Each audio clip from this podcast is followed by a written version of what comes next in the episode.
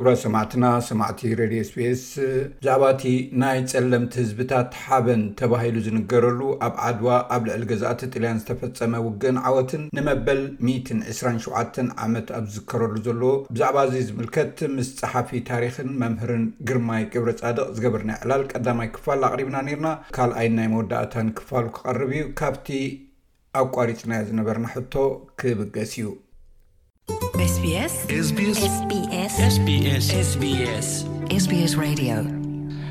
ከምዚ ንሪኦ ዓመታዊ እውን ኣብ ብፍላይ ኣብ ኣዲስ ኣበባ ኣብ ሸዋ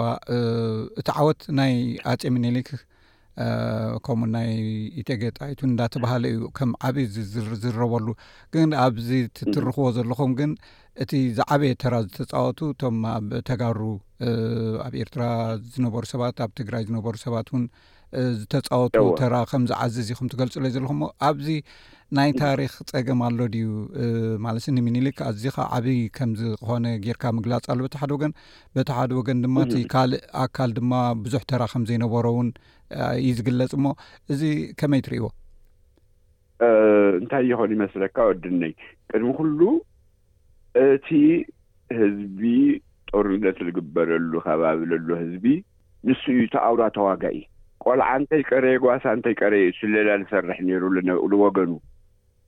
ሓንቲ ኣብነት ክነግረካ ራእሲ ስብሓት ኣብ ግሎም ኻዳ እናሃለዉ ትሕት ኢሉ ሓደ ጓሳ ብሻሁኛ፣ ሻሁኛ እዩ ነቲ ከባቢ ቋንቋ፣ ስብሓተይ ስብሓተይ ይብሎም፣ ኣቤት በይዛኻ ጸዓዱ ኣቡዑር ይመጹኻ ኣለዉ እሞ ኣጸቢቕካ ጽመዶም ኢልዎ። ተጸንቂቖም ጸኒሖም ብዙሕ ጉድኣት ኣብጺሖም። ልኾነ ኾይኑ ቅድሚ ኹሉ ሚእቲ ሽሕ። እንካብ ኢትዮጵያ ዝኸደ ካብ ሙሉእ ኢትዮጵያ እዩ ከይዱ ካብ ወለጋ ካብ ሃረር ካብ ሙሉእ ኢትዮጵያ እዩ ከይዱ እቲ ጦር ሚእቲ ሽሕ ሚእቲ ሽሕ ጦር ዝኽእል መሬት ነይሩ ዶ ዋላ ስንቁ ሒዙሞ ይኸድን ካብ ኣዲስ ኣበባን ካብቲን ካብቲ ሽዱሽተ ወርሒ መንገዲ ኣሕሊፍዎ እቲ ጦር ኣውሮፕላን ይነበረን መኪና ይነበረን ውሒዝ እዩ ለሎ ህበይ እዩ ለሎ ገበል እዩ ለሎ ኣንበሳ እዩ ለሎ ብዙሕ ምስ ብዙሕ እናተቃለሰ እናደኸመን እዩ መፁ ስለዚ ኣብቲ ቦታ እቲ ቦታ ንሱ ዓብዪ ሚእትን ሚእቲ ሽሕ ናይ ኢትዮጵያ ኣርባዓ ሽሕ ናይ ጣልያን እዚ ኩሉ ጦርን ሰዓ ምስ ጋዕ ገልጠሙን ተሸኪሙ ዝነበረ ህዝቢ እዩ ኣብቲ ውግእ እውን ብፍላይ ኣብ ኣምባላጀ ንጣልያን ከም ለይነበረ ልገበርዎ ራእሲ ኣሉላ እዮም። ብዙሓት መጻሕፍቲ ቂሞም ተበቂሎም ግዝኣቶም ሒዙሎም ነይሩ ኤርትራ ኣሉ ጣልያን እሞ ኣብ ኣምባላጀ ተበቂሎምዎ ይብሉ። ኣብ ዓድዋ ኣብ ኩናት ዓድዋ እውን እታ ኩናት ዓድዋ እውን ክለዓል እንተሎ እኒ ባሻይ ኣውዓሎም ሓረጎት፣ እኒ ብላታ ገብረእግዚኣብሄር ጊላይ፣ እዚኦም ክልቲኦም ኤርትራዊ እዮም። ብላታ ገብረእግዚኣብሄር ጊላይ እቲኦም እውን ባሻይ ሓረጎት እውን ባሻይ ኣውዓሎም እውን ብሓደ ወገኖም ኤርትራዊ እዮም፣ ብሓደ ወገን እንትጮ እዮም እዚኦም ክልቲኦም ሰለልቲ ንጣልያን ኣታሊሎም ክወጽእ እንካብቲ ዓቢ እምባ ሰወርያ ድበሃል ጎቦ ወሪዱ ኣብ ሜዳ ንክዋጋእ ልገበሩ ቦታ ሳሒቶም ልሃብዎ ካርታ ድሓር ጥብ ኩናት ክለዓል እንተሎ ሓዲገሞ ኣውዲቆምዎ ላብ ወገኖም ከይዶም ኣውዓሎም የውዓሎም እየ ኢሉ እዉን ባራተሪ ጠቅላይ ኣዛዚ ዝነበረ ንስኻ እተውዕሎ ውዕሎ ሎሚ ማዕልተይ ንውዓሎ እየ ኢሎምዎ ስለዚ ጣልያን ከምቲ ን ባሻይ ሓረጎት ባሻይ ኣውዓሎም ሓረጎት ልመኸርዎ ናብ ኣጼ ምኒልክ ናብ ራስ ኣሉላ ራስ መንገሻ ኣትዮም ናብ እቴጌ ጣይቱ ኣትዮም ልመኸርዎ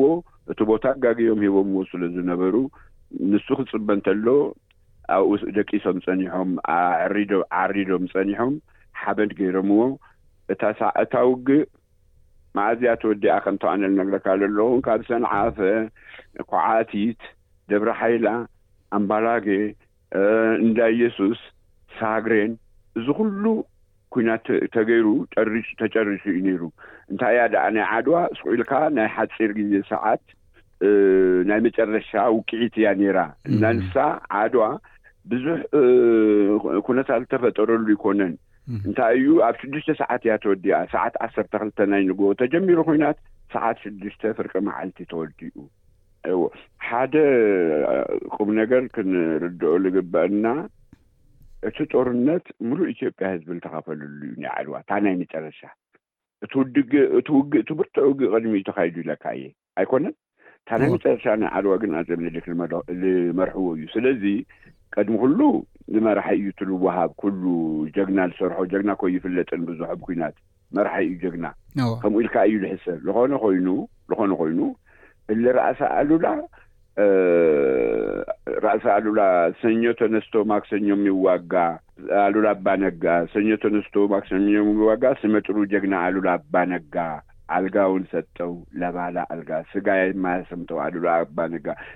እናተብሃለ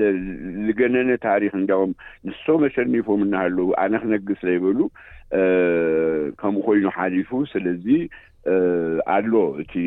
መራሒ የግዲ ከምኡ እዩ እቲ ታሪኽና ዝመጽእ ግን እንታይ ኣሎ እቲ ዝተዛበዐ ኩነታት እዚ እቲ ዓብዪ ግደ ኣብቲ ሰሜን እቴጌ ጣይቱ ጫሌ ውዕል እንትወዓዓል እንተለኮ እቴጌ ጣይቱ እየን ራእሲ መንገሻን ራእሲ ኣሉላን ደቀይ ኣቦኹም ዮሃንስ ኣብ መተማ ኣዕጽምቶም ልፈሰ ኣዕጽምቶም ተኸስከሰሉ ደሞም ልፈስፈልሰሉ ነጻነት ሃገርኩም ሓንቲ ሜትሮ ንጣልያን ከይትህቡ ኢሎም ባእሲ እዮም ነይሩ ምስላ ኣጼ ሚኒሊክ ኣሽሒቱ ስልጣን ናይ ስልጣን ጉዳይ ነይሩ እዚ ናተን ዓብዪ ጻዕሪ ተገይርዎ ኣተዓሪቀን ዕርቂ ተፈጢሩ ልራስ ኣሉላ ልራእሲ መንገሻ ልራእሲ ስብሓት ምስ ኣተዉ ኣብቲ እዋን እቱ እዩ እቲ ጦርነት ውጫሌ ፈሪሱ ናብ ጦርነት እውን ተኣትዩ ካብ መጀመርያኡ ኣትሒዙ ዓብዪ ግደ ኣለዎ። እንድርኣ ጼት ንጉስ ተክለሃይማኖት ናይ ጎጃም እምብለይ ኢሎም ነይሮም፣ ካልኦት እውን ከምብለይ ኢሎም ነይሮም፣ ድሕሪኣቶም እዩ ድሕሪ እቶም ናይ ሰሜን መሳፍንቲ ሽሎም ኣኽቢሮም ዓድና ክንሕሉ ኢና ኢሎም ካብ ኩዓቲት ጀሚሮም ካብ ሰንዓፈ ጀሚሮም እዚ ኩሉ ይፍለጥን ኣብ ኢትዮጵያ ማለት ርሑቕ እዩ ነይሩ ስለዚ እዙይ ከምኡ ኮይኑ እቱ ታሪኹ ናይል ራእሲ ኣሉላ ሎሚ ኣይለዓልን ናይል ራእሲ ስብሓት ራእሲ መንገሻ ኣይለዓልን ስለዚ እዙይ ንምንታይ እዩ ዘይለዓሉ ቅድሚ ኩሉ እቶም ፀሓፍቲ እቶም ምሁራት ናይ ታሪኽ ምሁራት ካዙ እዮም ካብ ማእከል ዓዲ እዮም ኣባና እንታይ ኢና ንብል ህዝቢ እውን ደጋጊምና ታሪኽ ንሰርሕ እምበር ታሪኽ ኣይንፅሕፍን እዩ ግን ናይ ወጻኢ ተጻሓፍትታት ኣጸቢቆም ጽሒፎሞ ኢዩ ስለዚ ግዴ ሰሜን ህዝቢ ዓብይ ታሪኽ ኢዩ ዓብይ ግደ ኢዩ ዘሎ ልዑል ግደ ኢዩ ዘሎ ኣብዚ ክስታይ ናይ ሓንቲ ነገር ክነግረካ ዓድዋ ጦርነት ተገይሩ ምስ ተወደ ዓዲግራት ሄድ ኦፊስ ነይራ ናይ ጣልያን ጦር ሰለስተ ወርሒ ዓዲግራት ነፃ ይወፀትን ድሕሪኡ ድሕሪ ዓድዋ ድሓር ራእሲ መንገሻ ራእሲ ኣሉላ ራእሲ ስብሓት ኮይኖም ከቢቦም ኣጨኒቆምዎ ንጣልያን ክቐትልዎ ኢሎም ኣብ ዓዲግራት ራእሲ ኣጼ ምኒልክ ወደይ ግድ የለን ካሊእ ሳዕቤን ከየምፀኣልና ጥራይ ኢዶም ሒዞም ይውፅኡ መሳሪያኦም ተረኪብካ ኣውፅኣዮም ኢሉ ኣውፅኣዮም ኢሎም ንራእሲ መንገሻ ወኪሎም ስለ ዝነበሩ ኣጼ ምኒልክ ብከምዚ እዩ ወፂኡ ድሕሪ ሰለስተ ወርሒ ሕራይ ማለት ጥልያን ድሕሪ ኩናት ዓድዋ ኣርባዓ ዓመታት ደንጉዩ ድሕ ፀኒሑ ማለት እዩ ተመሊሱ ንኢትዮጵያ ሒዝዋ እዩ ተቋፃፂርዋ እዩ ኣብቲ እዋን ንምንታይ ዩ ክንድኡ ስዕረት ማለት ከምቲ ዓይነት ታሪክ ተፈፂሙ ድሕሪ ኣርባዕተ ዓመ ኣርብዓ ዓመት ተዳልዩ ክኸውን ይኽእል ጥልያን ብብዙሕ ነገር ተዳልዩ መጺኡ ስዒ ኣቢልዋ ኣብዚ ታሪኽ ክግለጽ ከሎ ከም ኢትዮጵያ ከም ናይ ጸሊም ህዝቢ ሓበን ኮይና እያ ትቁጽር ምክንያቱ ዘይተገዝአት ተባሂላ እያ ትቁጽር ኣብዚ ግን እዋ ውዒሉ ሓዲሩስ ተገዚኣ እያ ስለዚ እዚ ብታሪኽ ከመይ ዝረአ እታ ናይ ዓድዋ ዓብዪ ናይ ታሪኽ ቦታኣ እንታይ እዩ? ናይ ኢትዮጵያ ህዝቢ ንመጀመርያ ግዜ ሓደ ኮይኑ ተዋጊኡ ካብኡ ንቅድሚት ዝነበረን ካብኡ ንደሓር ዝነበረ ሰላሳን ክልተን ምስ ግብፂ ምስ ደርቡሽ ምስ ገለታት ምስ ቱርኪ ዝግበር ነበረ ውግኣት ኩሉ ናይ ሰሜን ህዝቢ እዩ ተዋጊኡዎ። ስለዚ እታ ልመጀመርያ ግዜ ናይ ኢትዮጵያ ህዝቢ ሓደ ኮይኑ ኣብ ናይ ዓድዋ ኹናት ድማ ካብ ጣልያን ልተማረኸ ጦር ካብ ግብጺ መሳርያን ካብ ግብጺ ልተማረኸ መዳፍዕ ኩሉ እዩ ኣብ ተግባር ውዒሉ። እቱ ዓወት ዓብይ ዓወት እዩ። ናይ ፀለምቲ ዓወት እዩ። ብኡነት ክኹርዖ ድግብኦ እዩ ግን እቱ ኣካያይዳ ኣገባብራ ኣንጣቃቅሳ እከለ ጥራይ እዩ ከምዙይ ገይሩ እከለ ጥራይ እዩ ከምዙይ ኢልካ ደርፊ ይድረፍ ምንም የለን መፅሓፍ ይፃሓፍ ምንም የለን ናይቲኣቶም ናይቶም ጀጋኑ ታሪክ ልራእሲ ኣሉላ ህዚ ዳርጋ ልፈልጥ ሰብ ብዙሕ ኣይኮነን ምክንያቶም ኣይተጸሓፈን እቶም ጸሓፍቲ ናታቶም ስለልኾኑ ብልተረፈ ግን እቲ ዓወት ዓብይ ዓወት እዩ ምንም ክከሓድ ዝኽእል ኣይኮነን መኹርዒ ሃገር እዩ መኹርዒ ጸለምቲ እዩ ካብኡ ንደሓር እውን እቲ ዝበልካዮ ኣርባዓ ዓመት ተዳልዩ መጽዩ ጣልያን እንትመጽእ እንተሎ ንመጀመርያ ግዜ ናይ ባሻይ ባሻይ ኣውዓሎም ሓረጎት ኣርባዓ ቤተሰብ እዩ ጨሪሱ ሒነ ፈልዩ ናይታ ዝገበርዋ ናይ ዓድዋ ግዜ ስለዚ ብዙሕ ጭካኔ ፈጺሙ ኣብ ትግራይ ሄዚ እውን ሓሙሽተ ዓመት ሒዙ የግዲ ፍርቃ ፍርቂ ኢኻ እትሪኦ እቲ ውግእ ኣይቆመን ነይሩ ናይ ጎሪላ ፋይቲንግ ነይሩ ግን ሓሙሽተ ዓመት የግዲ እዩ ተገዚኣ እያ ሕራይ ምናልባት ናይ መወዳእታ ሕቶ ሓንቲ ዓጋመ ትብል መፅሓፍ ኣላትኩም ሞ ሓፈሻዊ እቲ ካበይ ናበይ ዝዝርጋሕቲ ዓጋመ ዝበሃል ንምንታይ ብፍሉይ ንዓ ክትፅሕፉ ወሲንኩም እወ እንታይ ይመስለካ ቅድሚ ክሉ መልዓሊየይ ዓጋመ ከም ፀርፊ ገይሩ ይለዓል ነይሩ ትፈልጦ ኢኻ እዚ ህዝቢ ምን ንኣኻ ክነግረካ ኣይደልን ነፍቱ መጽሓፍ ብዝርዝር ይቐሚጠዮ እወ። ዓጋመ ግን ብኣርኪዮሎጂ ልተረኸበ ኣርኪዮሎጂካዊ ስኽታዮ ዛላምበሳ ን ኣብ ል ኤርትራ ድንበር ኤርትራ ልተረኸበ ህዝቢ ኣብዚ ቀረባ ግዜ እኳ እንተረኺብካ ናይ ሓሙሽተ ሽሕ ዓመት ለለዎ ህዝቢ ቅድሚ ኣኽሱም ዝነበረ ስልጡን መንግስቲ እዩ እዚ መንግስቲ እዚ መትረፊ ገይረምዎ ኣብቲ ኩሉ ዝነበረ ህዝቢ ጦርነታት ዝነበረ ኤርትዮ ኤርትራ ጦርነት ዝነበረ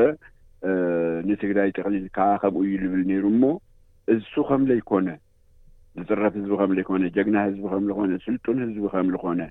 ኣካል ኢትዮጵያ ከም ዝኾነ እንዳውም ልደጃት ስባጋድስ ክሳዕ ቀይሕ ባሕሪ ይገዝኡ ከም ዝነበሩ እዙይ ከርኢ ኢለ እየ ፅሒፈዮ እና ንሱ ኮይኑ ግን ታሪክ ናይ ሰሜን እንታይ ይመስል ታሪክ ናይ ሰሜን እንታይ ይመስል እንዳውም ዓጋመ ስቁ ኢለ ስሙ እየ ሂበዮ ንምንታይ ኢካ ዓጋመ ኢልካ ትግራይ ዘይበልካ ይብሉኒ ግን ኣነ ስላ ልታ ልፈልጣ ከባቢ ናታ ስም እየ ሂበዮ ንታ ልብለካ ኣለኩ ምክንያት ተጎዝጒዘ እንካብኡል ደሓር ግን እዚ ሕማቕ ጣልያን ዝፈጠሮ ከም ጠዓንቶ ኣጋሜን ኣጥሬ ዝጠብቀው ዝበልዎ ኣጣልያን የእትን ኢሉ ብዙሕ ውግእ ስለ ዝገበረ እቲ ናይ ዓጋመ ህዝቢ ንሱ እዩ እዚ ሕማቕ ስም ኣምጽእዎ ሎሚ እግዚኣብሔር ይመስገን ሻላታ መጽሓፍ እቲ ኩነታት ኩሉ ዝተቓለለ መሲሉ ይስምዓኒ ግን ኣብ ርእሲ ኩሉ ታሪኽ ባህሊ ህዝቢ ሰሜን ብፍላይ ናይ ከበሳ ህዝቢ ናይ ኤርትራ ሓዊስካ ንሱ ብምሉኡ ዝሓዘ መጽሓፍ እዩ። ሕራይ መምህር ጋዜጠኛን ጸሓፊ ታሪኽን ግርማይ ገብረ ጻድቕ ምስኦም ኢና ንዕልል ዘለና። ብዙሕ መጽሓፍቲ ጽሒፍኩም ኣለኹም። ኣብ መጻኢ እንታይ ኢና ክንጽበ? መጽሓፍቲ ጽሑፉ ከም ዘለኹም እውን ሰሚዐ ኣለኹሞ እንታይ መጽሓፍ ኢኹም ተዳልዉ ዘለኹም ኣብዚ እዋን እዚ? ሀዚ ዓይነይ ሓሚመ ሓንቲ ዓይነይ ዓዊራ እያ ካልኣይቲ ዓሚነይ ሰላሳ ፐርሰንት እዩ ቀሪዋ ቶታሊ ሰብዓ ፐርሰንት የለን ዓይነይ መልሓሰይ እዩ እግዚኣብሔር ይጎድእኒ እምበር ዓይነይ ተጎዲኤ እየ ዝሓወይ ስለዚ ሎሚ ኣለኒ ፅሑፍ ኣለኒ ኣብ ኮምፒውተር ቅድም ኢለ ዓይነይ ቅድሚ ምዕዋር ኢለ ዝሓፍኮ ብዙሕ እየ ዝፅሕፍ ነይረ ናይ ኣፄ ዮሃንስ ብርቱዕ መፅሓፍ ኣለኒ ካሊእ ትግርኛ መፃሕፍቲ እውን ናይ ራእሲ ኣሉላ እዚ ናይ ስለላ ፓርቱ ናቱ ብዙሕ መፃሕፍቲ ኣለኒ ናይ ስፔስ ሳይንስ ዝፀሓፍኩዎ ትግርኛታት ትግርኛ ስፔስ ሳይንስ ዝፀሓፍኩዎ ኣለኒ ብዙሕ ብዙሕ ኣለኒ ግን ሕዚ ኣብ ሕማም ስለ ዝኾንኩ ምናልባት ሓደ ሓደ ወገናት ክሕግዙን ይፈትኑ ግን ዝተጠርነፈ ስለ ዘይኮነ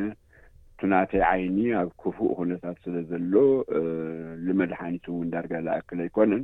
ኣብ ከምዚ እየ ዘለኹ ምናልባት እግዚኣብሔር ከም ግዛዕ ኢሉ እዛ ለላ ዓይነይ እንተትሪፉለይ እሞ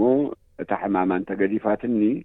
ሀዚ እውን ብዙሕ መጻሕፍቲ ኣለኒ ብዙሕ መጻሕፍቲ ኣብ ኮምፒተር እንተወድአ ኤዲሽን ጥራይ ልደሊ ፎቶግራፍን ኤዲሽንን ጥራይ ልደሊ። ዓይንኹም ናብ ጥዕና ናብ ጽቡቕ ተመሊሱ ብብዙሕ መጻሕፍቲ ከተበርክቱ ተስፋ ንገብር። የቐኔለይ ጋዜጠኛን ጸሓፊ ታሪኽን መምህር ግርማይ ገብረጻድቕ ንዝሃብኩምኒ ሓሳብ ብዛዕባ ታሪኽ ናይ ዓድዋ ምስኡ ተተሓሒዙን የቐኔለይ። ኣብ ካልእ ትሕዝቶ ክንራኸብ ኢና ብዛዕባ ታሪኽ ዝምልከት ዝኾነ ነገር ሕቶ ተሊና ኣብ መጻኢ ክንሓትኩም ኢና።